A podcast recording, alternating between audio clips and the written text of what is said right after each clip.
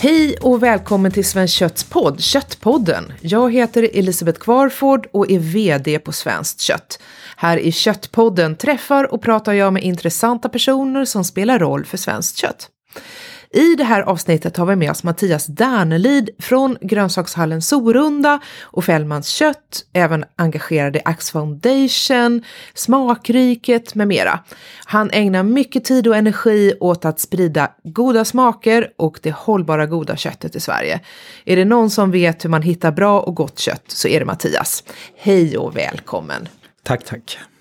Eh, jag tänkte vi skulle börja med några snabba frågor. Och eh, vem är du? Jag är um, från Katrineholm, snart 50. Älskar helt enkelt god mat. Jag um, letar nästan besatt efter goda smaker. Och de ska ju självklart vara från Sverige. Så ser väl min vardag ut. Och det får du göra på arbetstid alltså? Precis.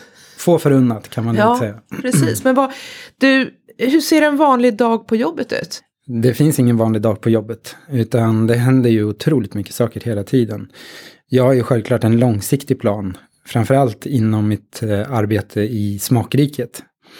Där eh, letar ju jag efter producenter som verkligen kan skapa Sveriges bästa smaker. Och det är ett väldigt digert arbete med att utveckla de här producenterna. Och det gör man över väldigt lång tid. Att utveckla en ny producent, att vara flygfärdig för att ingå i ett lite större logistikflöde. Till exempel i grönsakshallen Sorunda eller Fällmans kött. Det tar ofta tre till fem år. Så det är ju ett ständigt pågående arbete. Utöver det så dyker det ju upp väldigt mycket roliga saker som man också måste ta i hela tiden. Till exempel är jag väldigt engagerad i exceptionell råvara som är då en förening för att utveckla ett världsklass fågelkött och griskött i första hand. Mm.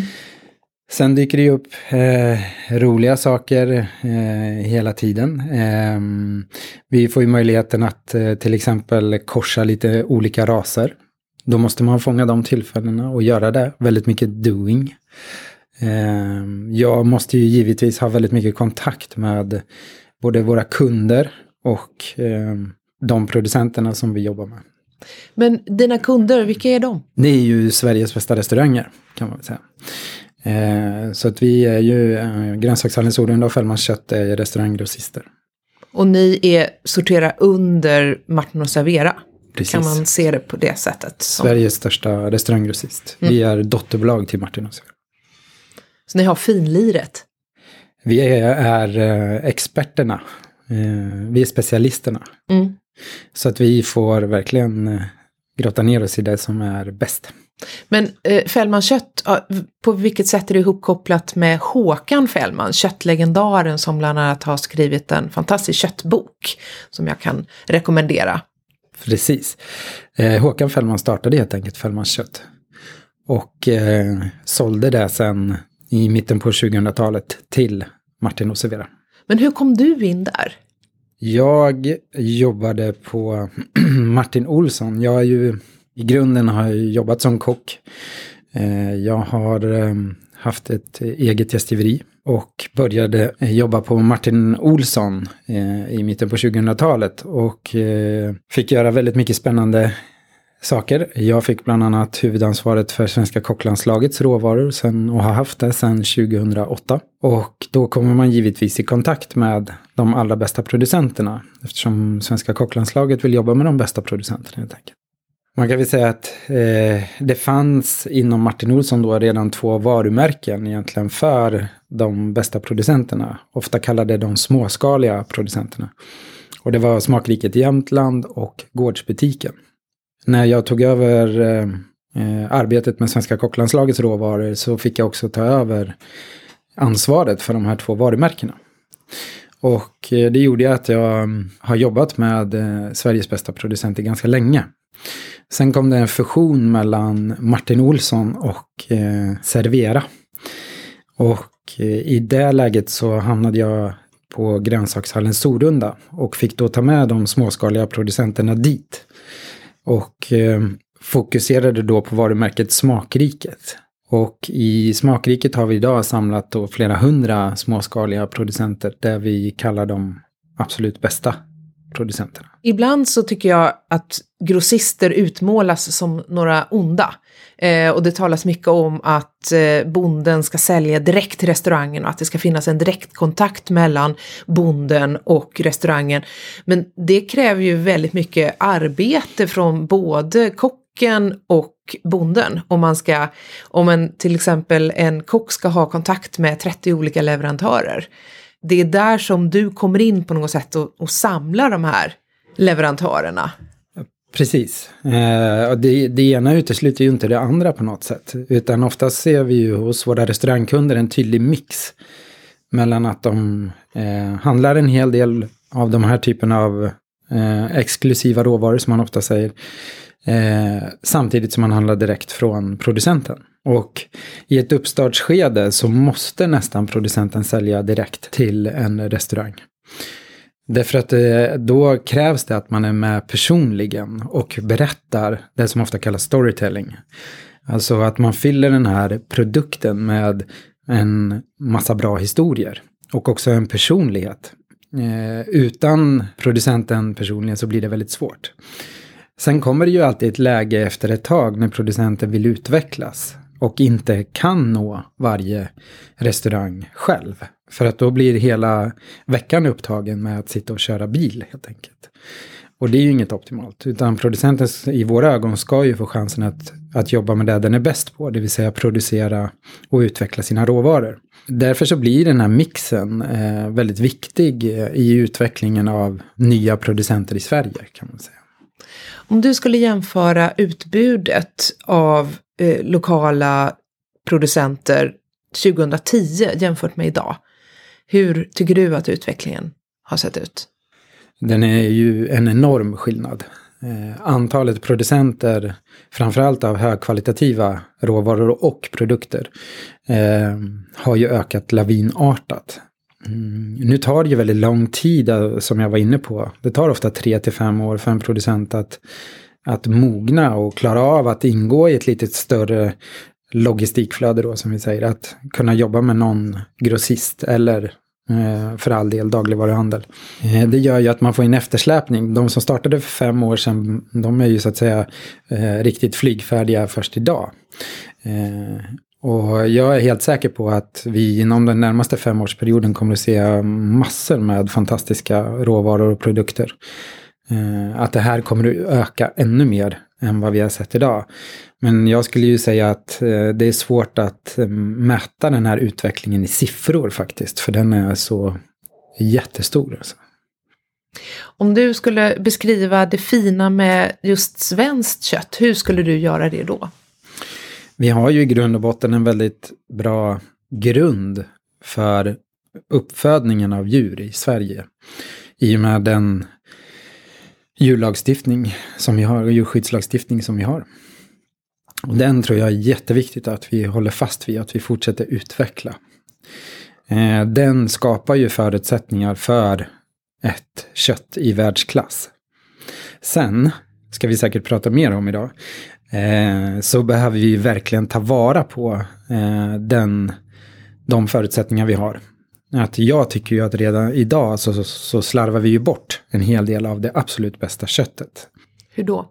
Nu kommer ju väldigt snabbt in här nu då på detaljer, men man kan väl säga att eh, de flesta restauranger, i alla fall topprestaurangerna, anser ju att det bästa köttet kommer från kor. Äldre kor och gärna mjölkkor. Eh, och eh, mjölkkorna idag är ju en outnyttjad resurs som vi skulle behöva bli bra mycket bättre på att ta vara på. Hur ofta äter du kött? Eh, jag äter faktiskt kött mer sällan nu än vad jag har gjort tidigare. Däremot så är jag ju otroligt petig med att välja vilket kött jag äter. Det här har ju faktiskt inneburit en ganska stor förändring i, i mitt liv. Liksom. Att äta mindre men bra mycket bättre. Och vad är bättre? Högre så kallad ätkvalitet. Eh, att bara äta 250 gram kött eh, för att göra det har jag nog slutat med. Det jag själv väljer är ju det jag var inne på tidigare. Det högkvalitativa köttet. Eh, och äter nog snarare kanske 100 gram vid ett tillfälle. Men, och betydligt mer sällan, kanske två till tre gånger i veckan. Men hur smakar riktigt gott kött då? Då känner man vad eh, i det här fallet kon har levt av. Eh, vi har en del fantastiska eh, raser i Sverige som ger ett väldigt tydligt smakavtryck. Jag kan ju tycka att SRB-kon då eh, ger... Svensk ett, rödbrokig. Precis. Eh, den ger ett väldigt tydlig smak av grädde. Eh, en liten touch av syrat, härligt kärnat smör. Även i köttet. Om kon har fått äta väldigt mycket gräs. Så den typen av kött eh, som ger väldigt så naturlig, kanske ganska svensk smak i form av härlig grädde och syrat smör. Det är det som är mitt favoritkött. Om vi ska prata lite mer om exceptionell råvara. Eh, vad, alltså hur kom exceptionell råvara igång och, och vad gör ni där? Exceptionell råvara startades av Björn Fransén och Mattias Kron. Björn Fransén är ju krögare, stjärnkrögare i Sverige. Och Mattias Kron är eh, journalist, bosatt idag i Paris. Egentligen var det Björn Franzén som på sin dåvarande restaurang serverade en brässkyckling från Frankrike. Och det var ett par från Hongkong som hade avnjutit en härlig avsmakningsmeny. Eh, och Björn Franzén frågade efter middagen vad de tyckte. Och eh, det här paret från Hongkong var ju väldigt förtjusta i hela måltiden, men de var ju väldigt frågande till att det var en brässkyckling från Frankrike som serverades. För ville de äta brässkyckling från Frankrike, då flög ju de till Frankrike. Och det där blev en tankeställare för Björn Franzén där han helt enkelt funderade på varför finns det inget världsklass fågelkött i Sverige som restaurangerna kan sätta upp på menyn och varför finns det inget världsklass griskött som svenska restauranger kan sätta upp på menyn. Och då startade föreningen Exceptionell råvara, egentligen som ett projekt tillsammans med bland annat LRF och Martin Severa 2011. Mm. Med stöd från Matlandet Sverige, eller Precis. hur? Den satsningen som var då under förra landsbygdsministern Eskil Erlandsson. Eh, hur har det gått? Det har ju varit ett eh, väldigt eh, svårt jobb till vissa delar och väldigt omfattande jobb. Eh, jag tycker ändå att över de här åren så har det gått över förväntan. Allting tar ju tre till fem år som jag har varit inne på. Och det gör det ju även när det kommer till eh, arbetet med eh, att hitta världsklasskött. Eh, jag har ju haft väldigt mycket nytta av att jag har skannat hela Sverige efter de bästa producenterna. Och därmed så har vi liksom haft en bra grogrund att kunna arbeta upp producenter som vill jobba med att eh, ta fram ett världsklass griskött och världsklass fågelkött. Hur gör man då när man arbetar upp en producent? Man måste ju ge producenten förutsättningar att få sälja sina produkter. Det vill säga man kan inte vänta på att producenten ska leverera ett världsklasskött. Utan man måste köpa de här råvarorna under tiden medans producenten utvecklar världsklass. Eh, och det tar ju ett tag. Och det måste, man, producenten måste få göra misstag. Även vi gör ju självklart mycket misstag. Eftersom ingen har gjort det här förut. Är det Fällmans kött som köper in det köttet då? Ja, kan vara. Eller Martin Severa. Eller så hittar vi en annan kanal. Men vi hjälper producenten att få avsättning för sina experiment för att nå världsklass. Och det krävs ju väldigt mycket jobb. Till exempel med att hitta ett nytt foder eller en ny eh, uppfödningsform överhuvudtaget. På grissidan då handlar det mycket om lindrödsgris. Den svenska eh, lantrasen. Eh, som höll på att utrotas. Ja. Eh, som hittades, det var på 60-talet som man hittade en, en flock i Linderöd i Skåne. På Linderödsåsen. Mm. Så det här är en, en utmärkt gris för den som vill ha liksom en, en husgris, kanske inte i ett villaområde, men, men eh, om, om man har en bit mark som man vill ha även markbearbetad kanske. Exakt. Mycket viktig som markbearbetare. Mm. Och jag tror att det är där vi kommer att få se lindrödsvinet till stor del framöver. Både innan skogsavverkning till exempel och även efter skogsavverkning. Och att det är där som eh, jag tror Linderödsvinet kommer att ha en stor del av sin framtid. Att man inte har en fast boplats för en kull, utan att de faktiskt kan flytta. Det tar ganska lång tid att föda upp ett eh, Linderödsvin att bli slaktmoget. Cirka 14 månader kanske i snitt. Och då behöver den ju eh, en hel del mark att få jobba med. För att eh, det här är ju ett svin som inte går att ha inomhus. Utan måste få jobba med sin kropp. Mm. Så att de bökar, de äter upp kvickrotsrötter, de äter mask, hallonrötter, allt möjligt som, som annars skulle kunna ta, ta död på, på plantor efter en avverkning till exempel när man vill plantera och föryngra skog. Precis. Och så gödslar den också. Exakt.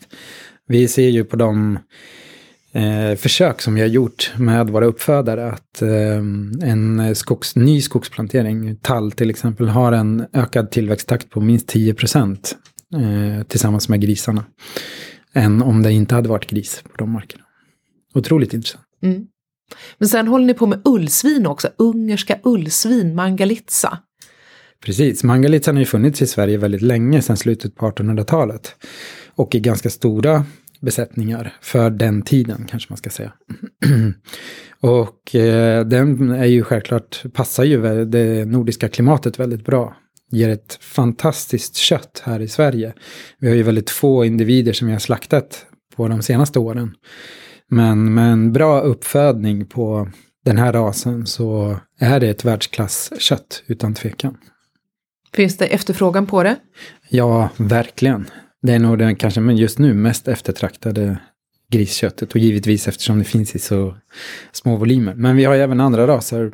Berkshire har ju tagits in och det finns åtminstone två lite större besättningar i Sverige och den har ju precis som Angalitsan en potential för världsklass som redan är befäst tack vare till exempel Domta som har nått eh, exceptionell råvarastatus. Hur når man exceptionell råvarastatus? Vad, vad är det? Själva provningen när man når, eh, eller då kan uppnå exceptionell råvarastatus eh, sker på smakmötet. Och eh, det här är en gång per år.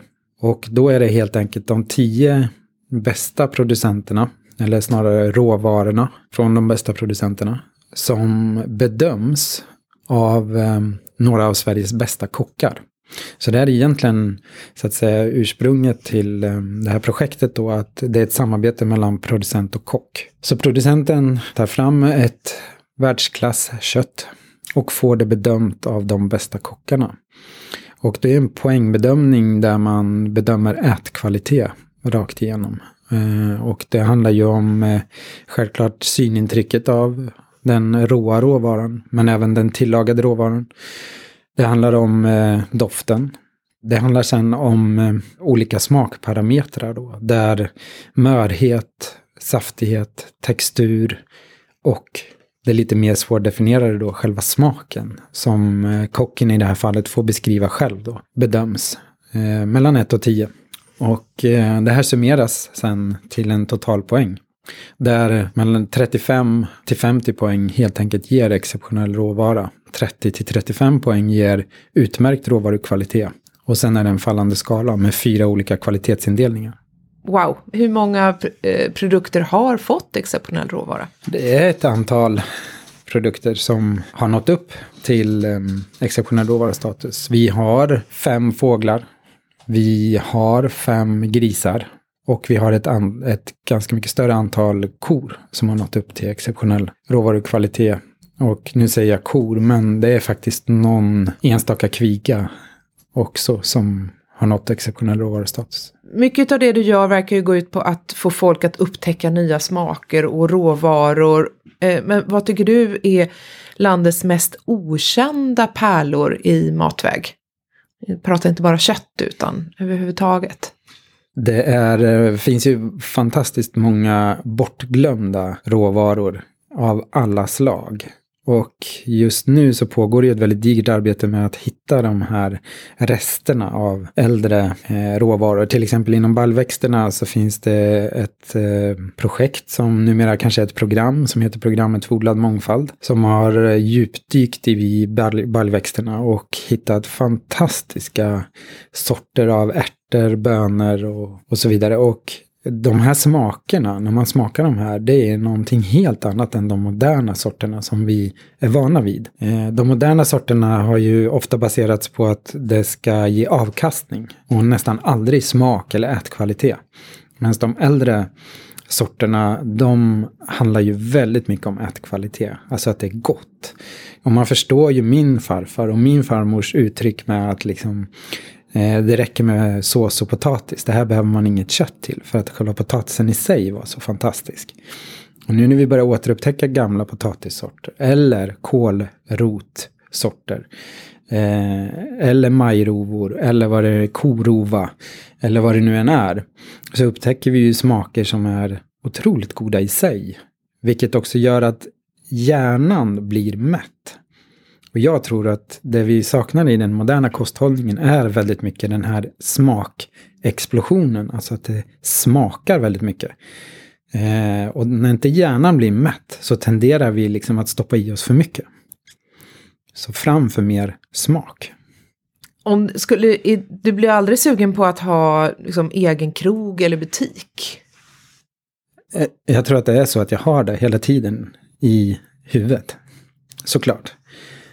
Eh, jag tror att mycket av mitt arbete går ut på att försöka sätta mig in i situationen som kan uppstå på restaurangen eller i butiken. Hur ska man då berätta om den här råvaran eller den här produkten? För eh, att bara sälja en produkt eller en råvara är idag väldigt, väldigt svårt.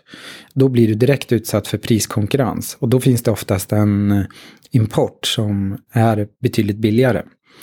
Utan vad du måste göra idag är ju att eh, bygga på råvaran och produkten med historier. Och det här handlar ju inte om att man ska hitta på historier, utan det här handlar ju om att eh, på något sätt förgylla produkten med eh, sanna historier. För nästan alla de här råvarorna och produkterna som jag jobbar med, de har fantastiska historier. Det gäller bara att hitta ett sätt att berätta dem som gör att den som tar emot det verkligen förstår vad den betalar för. Så du behöver inte ha egen krog eller butik för du, du leker det hela tiden? Lite så. Mm. Urmjölkade rödbrokiga kor som ska få gå på pensionat. Vad handlar det om? Det är ju en del i det här fantastiska vardagen som man har. Och det är ju när det ringer en familj som också kommer på besök på Fällmans kött och säger vi har en idé. Eh, vi vill ta hand om eh, uttjänta då mjölkkor, det vill säga de som brukar kallas utslagskor. Eh, ta hand om dem, låta dem leva ett bra liv och sen sälja köttet då till er, det vill säga oss på Fällmans kött. Och det är klart att när, så fort de summerar det i en sån mening så är det ju helt fantastiskt. Så det är klart man säger ja på en gång. Helt otroligt. Och det här är ju då ett sätt att ta hand om det här fantastiska köttet vi har på Sveriges mjölkgårdar. Men det är ett sätt. Och egentligen så handlar det här om att slutgöda mjölkkor överhuvudtaget på olika sätt. För de är ganska magra och lite slitna när de har mjölkat klart. Ja, i dagens extensiva eh, mjölkgårdar, vilket jag har full förståelse för, så blir det ju, alltså livslängden på mjölkkor idag är betydligt mycket kortare än för tio år sedan. Men de mjölkar ju betydligt mycket mer per dag än vad de gjorde också. Men totalt sett så tror jag att mjölkkorna mjölkar mindre under sin livstid än vad de gjorde för tio år sedan. Därför att de då lever mycket kortare. Men idag går ju mycket av det här mjölkkorsköttet till köttfärs. Eh, vi skulle kunna ta hand om, om det här köttet på ett helt annat sätt än vad vi gör och värdera det här köttet på ett helt annat sätt än vad vi har lyckats med hittills. Och på det sättet skulle vi också få en väldigt hållbar köttproduktion i Sverige. Eller att vi utnyttjar den här resursen till ett hållbart kött som idag kanske slarvas bort. Om du skulle se en, en vision sådär 5-10 år framåt när det gäller just de här mjölkkorna, vad, vad, är, din, vad är ditt drömscenario? Det är ju att vi har den här typen av pensionat som Hagshultskossorna då är ett alldeles utmärkt exempel på. Där man tillsammans med Delaval har eh, byggt upp en, ett eh, lösdriftsstall helt enkelt. Där korna väljer om de vill gå ut eller in. Eh, där man har en vardag för korna som går ut på att de ska bara få må bra och kunna lägga på sig vikt på ett väldigt naturligt sätt. Det är viktigt tycker jag att, precis som Hagshult har gjort, att man hämtar gröna gräset inom en väldigt kort avstånd från gården. Och här pratar vi om tre kilometer. Och det är ju inte det att alla måste hålla sig inom tre kilometer. Men man har en väldig närhet till fodret för korna. Och sen handlar det ju om att använda moderna system för Eh, att titta på om korna då lägger på sig vikt. Eh, att fodra dem på ett modernt sätt. Men ändå väldigt naturligt. I det här fallet så är det ju absolut inget kraftfoder, utan grönt gräs. Och eh, i slutändan så ser det ut som att vi bör kunna få fram världsklasskött på det här sättet. Men det finns ju också slutgödning på så att säga den gården där kossan har verkat. Eh, som också måste kunna löna sig. Och i dagsläget så ser det ut som att, att slutgödning av mjölkkor på den egna gården verkligen lönar sig. Men, och här kommer man ju till själva kärnan i det här. Vi måste också se över den eh, prissättningsmodellen för hur eh, det svenska köttet betalas på svenska slakterier. Så att när kon kommer in, slaktas och sen så mäter man utifrån olika parametrar och så klassar man eh, djurkroppen utifrån ett system. Eh, och vad är det du tycker är, inte funkar med den modellen som finns idag? Det jag hör och ser är ju att det köttet som betalar bäst idag är fortfarande från tjurkalv. Och det är ju en väldigt snabb och intensiv uppfödning av djur som i mina ögon tyvärr inte ger någon ätkvalitet. Det jag skulle vilja göra är ju att vända då på det här och istället ge de äldre mjölkkorna som ofta då idag, för, på grund av att de, om de är bra, blir ganska feta. Så får ju producenten, det vill säga bonden, ett avdrag för att de då innehåller så mycket fett. För att det blir en kostnad för slakteriet att ta hand om det här fettet? Kan vara så. Kan ju också vara en möjlighet till inkomstkällor. Eh, men visst är det så idag. Och ehm, just att eh, vända på det här och istället eh, utgå ifrån ätkvaliteten då. Det vill säga att man skulle ge bättre betalt till till exempel äldre mjölkkor eh, eller andra kött av väldigt hög ätkvalitet. Och helt enkelt eh, ge lite lägre betalt för tjurkalvarna som idag då antagligen betalas bäst. Men ni hänger köttet hos er också, eller hur? Absolut. Allt hur... efter önskemål. Mm. Hur länge ska nötkött hänga tycker du? Det finns inget enkelt svar på det. Från början så trodde vi ju till exempel att eh, de äldre fjällkorna, och då pratar vi 14, 15, till och med upp till 19 år gamla fjällkor, att de måste ju få hänga, alltså när vi pratar hängning så pratar vi om kött på ben, det vill säga kanske eh, biffen på ben, vi pratar entrecote på ben, högrev på ben och rostbiff. För att benet också ger smak? Exakt. När man pratar om kött på ben som man hänger, som jag var inne på, de äldre fjällkorna kan man ju tro ska hänga väldigt länge då. För det borde ju passa, ett, ett gammalt kött borde hänga länge. Liksom. Det finns en gammal sanning om det. Men det har ju visat sig att så är det ju inte alls. I, i det fallet så är det äldre fjällkoköttet mycket godare eh, ohängt. Jaha, färskt alltså? Precis. Vi hänger ju fortfarande så att säga halvkropp eh, på två veckor. Men alltså att hänga själva biffstocken ytterligare är inte nödvändigt på fjällkoköttet. Utan det kött som har fått eh, ett av de absolut högsta poängen i exceptionell råvara någonsin. Där var det ett fjällkokött på en 15-årig ko som vi skar ner på morgonen strax innan provning från halvkropp då. Så det hade inte hängt på stocken överhuvudtaget. Och det är ju sådana saker som man upptäcker vartefter att de här gamla sanningarna som finns inom kött och slakteribranschen kräver idag att man faktiskt skrapar lite mer på ytan på dem. För att de har ju uppkommit i en helt annan tid. När vi hade andra förutsättningar och eh, andra raser och eh, andra djurslag än vad vi har idag. Jag kan ju tycka att mycket av eh, de äldre korna överhuvudtaget inte behöver hänga så himla länge.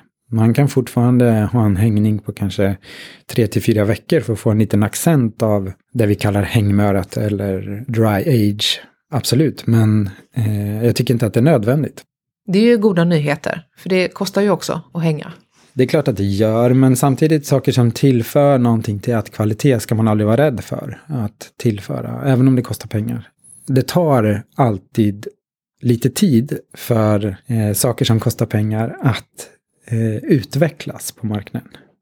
Höga priser innebär längre tid för att utvecklas på marknaden. Men man ska aldrig vara rädd för dem. Man måste våga prova dem. För um, det är ju det som sen kommer att bli en betydligt större marknad längre fram. Om jag som konsument vill hitta ett riktigt bra kött, om jag inte bara vill gå på restaurang och äta bra kött, utan laga gott kött hemma, hur, vad ska jag titta efter då? Jag skulle nog eh, titta väldigt mycket efter marmoreringen ändå eh, idag. Därför att eh, det är nog det, ändå det enklaste sättet att hitta ett, en högre kvalitet på kött i butik. Kött i butik är väldigt svårt.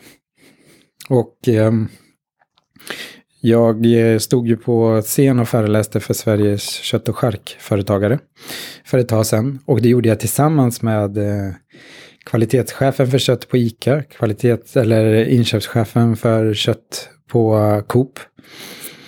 Och vi sa ju samma sak alla tre. Och det är ju att det är för mycket jeopardy, så att säga, när att beställa kött från Sveriges slakterier idag och få den kvalitet man efterfrågar levererad till det pris man är beredd att betala.